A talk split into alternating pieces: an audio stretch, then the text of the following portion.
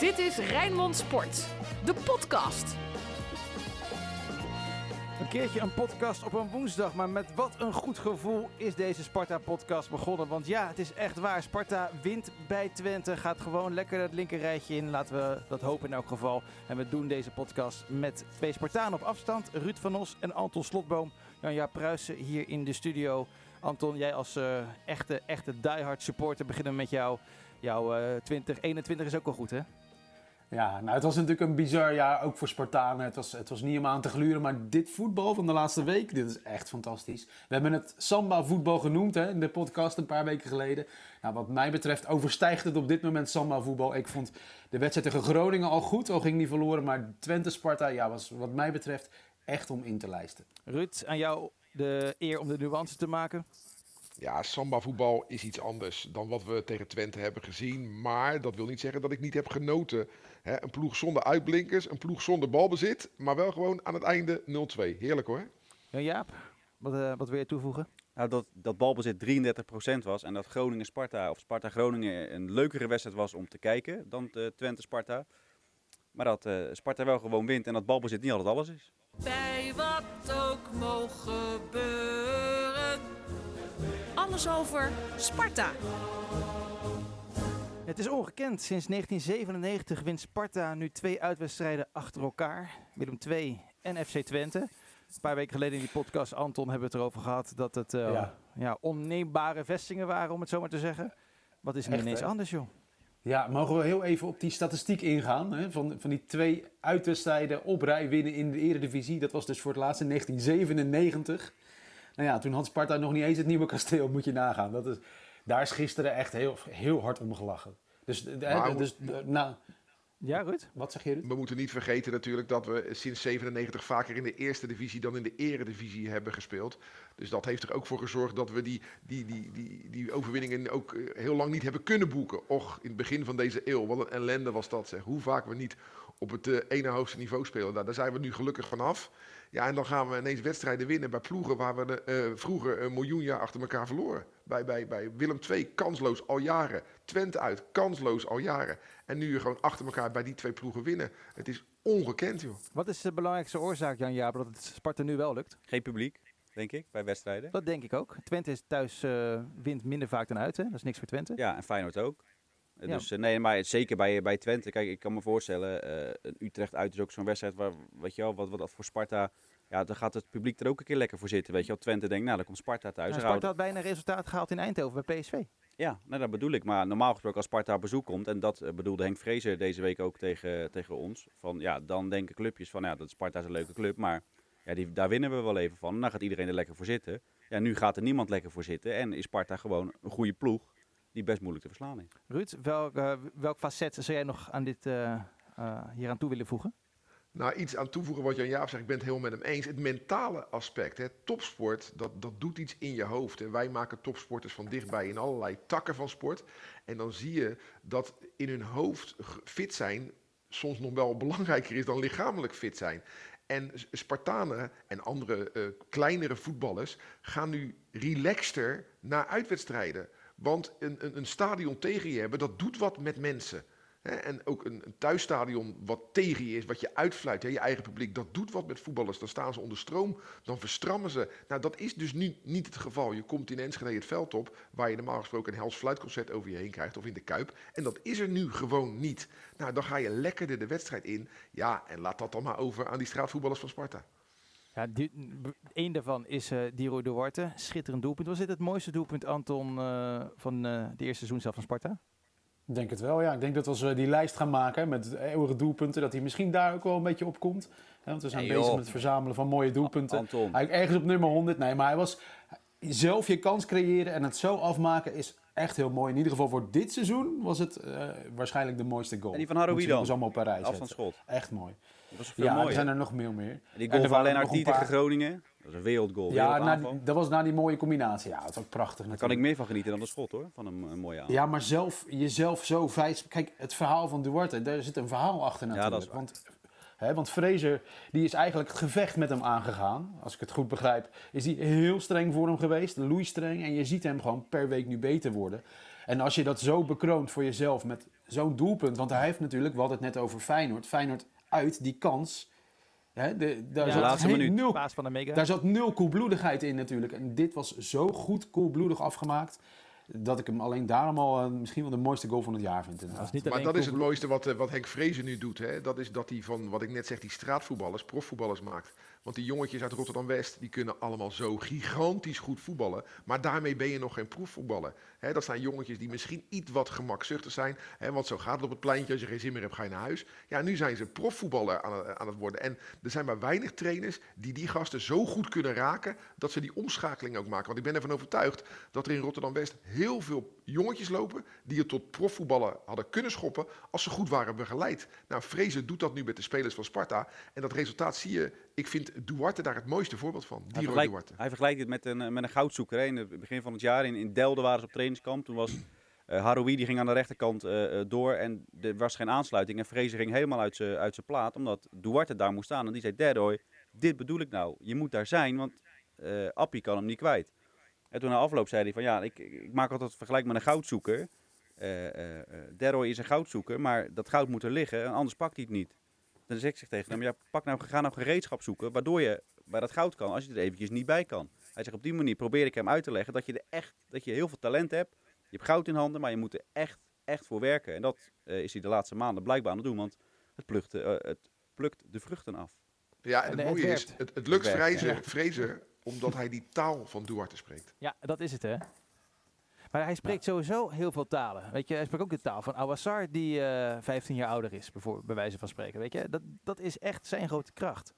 Dat doet hij gewoon zo goed. Taal van de liefde Ja, ook. en het mooie is dat hij ook niet alleen de taal spreekt, maar ook de mensen om zich heen verzamelt die die taal spreken. Met Bukadi als assistent trainer, met eh Rijk, eh, Rankovic die hij had als, als assistent trainer. Weet je, hij, hij zorgt ervoor dat hij in alle lagen goed vertegenwoordigd is. Ja. Ja, en we moeten het eigenlijk wel even hebben over dat interview wat hij heeft gegeven natuurlijk. Waarin hij het had over hè, Sparta als fatsoenlijke club. Eh, maar ook de club die, eh, nou, eh, laat ze maar komen. We zijn niet bang voor ze. Of we gaan graag naar het kasteel toe. En dat hij dat wil aanpakken. En nu staan we natuurlijk heel erg hoog. Hè? Het is kerst. We staan gewoon in het linkerrijtje. Dat is helemaal fantastisch. Maar normaal gesproken, Sparta zoals ik het ken, is daar dik tevreden mee. Hè? De vlag gaat uit. Maar je ziet gewoon aan hem dat hij eigenlijk meer wil. En dat hoor ik ook in de woorden van Awassar terug. En dat is echt een kentering en ook heel interessant. En een mooie ontwikkeling Maar natuurlijk. wat, Ruud, wat moet je dan nog meer willen? Dan, weet je, dit is toch niet reëel dat ze straks eh, een ticket voor Europees voetbal gaan... eh, Play-offs. Ja. Nee, maar het mooie is dat Sparta omringd wordt in dat linkerrijtje door ploegen die heel veel geïnvesteerd hebben en balen dat ze staan waar ze staan. En Sparta is een ploeg die is dolblij dat ze staan waar ze staan. Oftewel, het, is, het is niet helemaal Sparta- waar, Ruud, wat je nu zegt. Want Twente staat er ook. En die hadden het ook niet verwacht. En Groningen had Nee, ook maar- niet maar verwacht dat ze zo hoog zouden Sparta- staan. Sparta staat boven FC? Utrecht. Ja, dat Maar- is eh, de grote dissonant, ja. Nou, precies. Dus Sparta kan in dat linkerrijtje, en datzelfde geldt voor Twente, zonder stress voetballen. Ze hebben niets te verliezen. Als Sparta uiteindelijk tiende wordt, zijn we nog dolblij. Nou, als dat gevoel bij voetballers er niet is, stress, dan zijn ze zoveel procent beter dan dat ze voetballen met stress. En dat is wat Sparta nu gaat meemaken. En kijk, als Sparta nu weet, we kunnen in Tilburg winnen, waar we nooit wonnen. We kunnen in Enschede winnen, waar we nooit wonnen. Er komt er nog eentje aan waar Sparta nooit wint. Utrecht. Hè? Als, als dat soort wedstrijden allemaal gewonnen gaat worden, niet verliezen in de Kuip. Nou, 10 januari, Sparta Feyenoord, kom maar op. Dus weet je wel, het, het is heerlijk. Sparta zit in een zetel. ja. Dat wordt een hele bijzondere derby, hè, Jaap? Ja, want wat doe je op? Nee, nou, nou, gewoon meer. Kijk, eh, vroeger waren het vaak ABC'tjes, hè. Eh, won Feyenoord daar eh, geregeld. Dat is nu anders. Dat is, dat is echt... eh, dat heeft Feyenoord, kijk, Feyenoord heeft thuis natuurlijk niet van Sparta gewonnen. Nee, al twee keer niet. Al twee Nee. jaar niet. Nee, eh, eh, dan gaat het om het kunstgrasverhaal natuurlijk ook weer. dat Feyenoord daar niet op kon voetballen. Dat Sparta daar weer in het voordeel is. Nee, ja, ik denk zeker in de huidige vorm. Kijk, bij Sparta zie je echt... Sparta heeft elf spelers, maar als de wissels erin komen bij Sparta, dan wordt Sparta niet heel veel slechter. Hè, met Wouter Burger die nu eh, invalt en Mario Engels. Waarvan, nou ja, Sparta Haroui doet, de beste voetballer doet niet mee. En aan Sparta merk je dat niet eens. Dat vind ik zo knap. En bij Feyenoord dan, ja, dan merk je dat gewoon wel. Als er een paar basisspelers wegvallen, dan wordt het elftal echt heel veel minder. Maar goed, het is eh, afwachten nu. Het is dadelijk natuurlijk twee weken winterstop hoeveel er bij Feyenoord meedoen. Want als Berghuis meedoet of, eh dan noem ze allemaal maar op. Dat, dat bij Feyenoord is dat echt van belang wie er meedoen. Dus ik denk dat er nu nog niet heel veel over te zeggen is wie er nou... eh, maar ik denk dat Sparta er met een beter gevoel heen gaat dan Feyenoord. Ook al moeten die nog voetballen. Denk jij, eh, Ruud, dat eh, in de tweede seizoenshelft... dat Wouter Burger een vaste baasplaats eh, gaat krijgen? Ja, die gaat wel beginnen op 10 januari tegen, tegen Feyenoord. Die heeft wel in de anderhalve wedstrijd die hij nu gespeeld heeft... eh, bewezen dat hij eh, van meer waarde is dan Sven Meijnans. Hoe jammer ik dat ook vind voor Sven Meijnans. Want een jongen uit de jeugd, ja, die gun je alle succes. Maar je moet gewoon de beste laten spelen. En Wouter Burger is nu gewoon, die hoort gewoon bij de beste elf van Sparta. Viel goed in en wat leverde gisteren ook eh, veel goed in tegen Groningen. En leverde gisteren tegen Twente ook zijn bijdrage. Maar Ruud, Dus die Ruud moet gewoon gaan spelen. jij hebt eh, in een eerdere podcast gezegd... Wouter Burger moet helemaal niet tegen Feyenoord willen spelen. Nee, nee, nee, nee, nee. Wouter Burger moet niet tegen Feyenoord debuteren, heb ik gezegd. Wat is het verschil Want dan? dat, nou, Hij heeft, nu pas, hij, heeft, eerste- hij heeft nu pas twee keer, hij heeft nu pas één wedstrijd in de basis. Nee, nee, nee, maar hij zit nu al heel lang bij. Hij was toen net bij Sparta Ja. en zou dan zijn debuut kunnen maken tegen Feyenoord. Nou, dat, dat in de kuip. In de kuip. Dit is een hele andere situatie. We zijn een paar maanden verder. Hij is nu veel meer Spartaan dan dat hij toen was. Hij heeft zijn eerste wedstrijden al gespeeld. Hij speelt op het kasteel. Ik vind dat dat nu wel kan. Maar debuteren in de kuip, eh, een, een, een, een jongen van Feyenoord, dat vond ik gewoon. Moet je dat wel willen? Wacht dan maar een weekje. Dat was mijn gedachte toen. Nu we toch bij Maar waarom zou je niet... Je hebt, je hebt Sven Meijnans. Dit is product van je... Hè, komt bij je jeugd vandaan. De- die kan je toch niet na een paar redelijk mindere wedstrijden al afschrijven? Die, daar moet je toch op blijven inzetten. Je moet die jongen toch gunnen die, die geweldige wacht- ontwikkeling die die inmaakt Wacht even, wacht even. Jij vindt, jij, nou ga je echt een fout maken die heel veel voetballers en supporters maken. Een, bank, een plek op de bank is niet afschrijven. In andere sporten hè, wordt er zo vaak zo makkelijk gewisseld. Maar in het voetballen wordt daar een partij heisa over gemaakt als er een keer iemand gewisseld wordt. Sven Meijnans heeft zich goed gepresenteerd aan Nederland. En maakt nu een wat mindere fase door. Haal je hem even uit de wind, laat je hem af en toe invallen en komt hij er vanzelf weer bij. Dat, dat wil niet zeggen dat je hem afschrijft. Integendeel, waarom in het voetballerij wordt altijd zo krampachtig gedaan als er een keer iemand gewisseld wordt. Daar zijn, in honkbal zijn er werpers die gooien één bal, dan gaan ze eraf. Die hoor je nooit zeuren. Maar bij voetbal ligt dat allemaal zo gevoelig. Ja, hebt nou ja, in het Duarte honkbal is gezien, dat toch? natuurlijk niet voor niks verboden, toch? Nee, nee ik, ik vind dat je hem moet laten staan.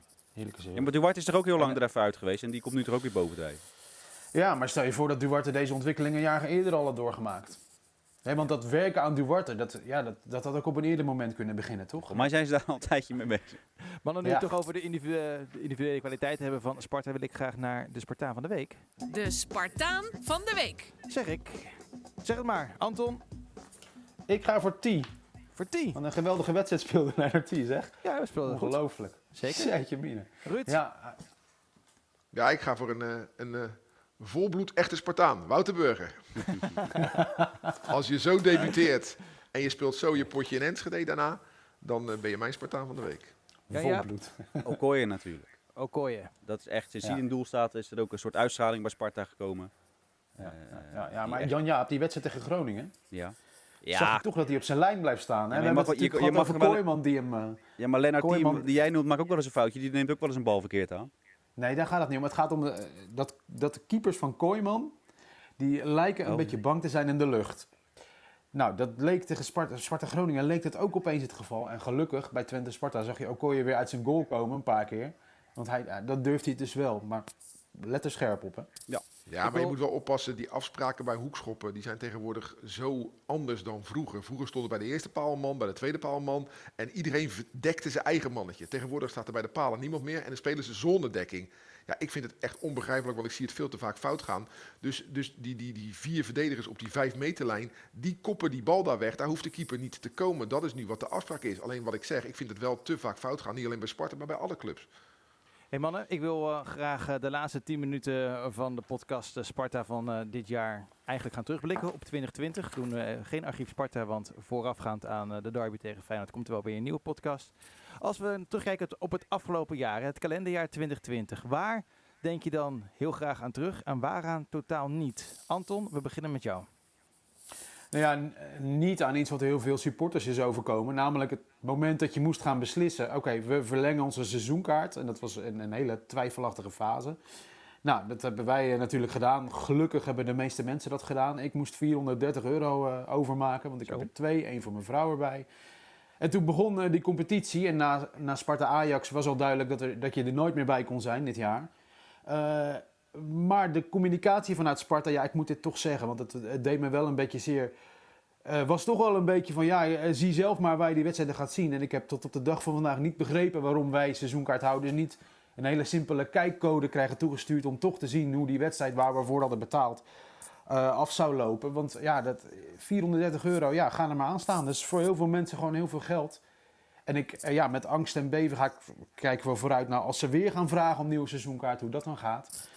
Want dat is, dat is echt een minpunt van de, ja, het moeilijkste punt voor Spartaan dit jaar, wat mij betreft. Ruud, Ja, mijn, eh, wat een van de mooiste momenten qua blijdschap was, was voor mij de 4-4 van Mijnans tegen AZ. Want dat krankzinnige heb ik nog nooit meegemaakt. 4-0 achterstaan bij rust en uiteindelijk tot 4-4 komen. En eigenlijk was dat een soort van ommekeer. Niet dat Sparta daarna alles ging winnen, maar langzaam ging het steeds een beetje beter. Resulteert het nu in eind december en we staan in het, in het linker rijtje.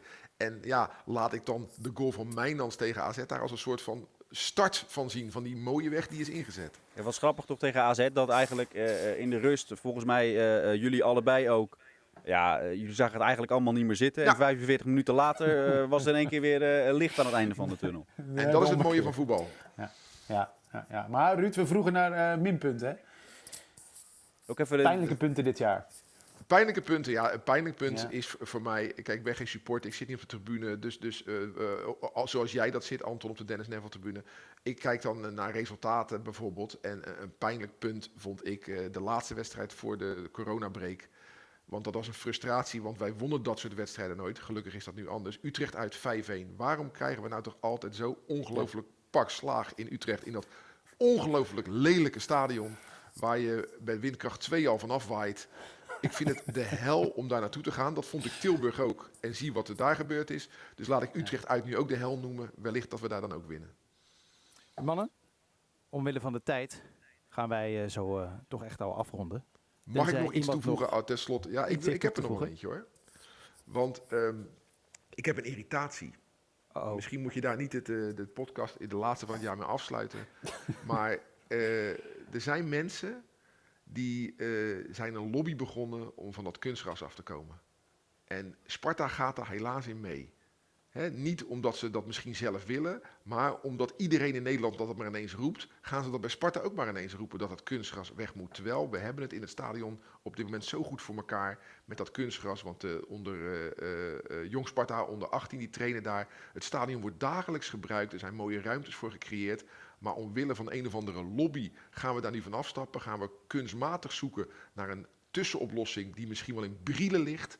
En daarna gaan we eh, op Terbregge trainen. Wordt het stadion per jaar nog maar 25 keer gebruikt. Staat het dus 340 dagen per jaar leeg. Lekker bedrijfseconomisch. En dat allemaal omdat men in Nederland elkaar napapagaait. Dat kunstgras niet deugt, oké. En dan zie ik al die grasmatten de laatste tijd van Zwolle, van gisteren Enschede. Was als in Klagenvoort, bij, waar Feyenoord speelde. Er, is maar, er zijn maar één of twee goede matten in Nederland. Hè. Dat is eh, eh, Eindhoven en de Kuip. Tuurlijk, daar speel je liever op. Maar de rest is gewoon ruk.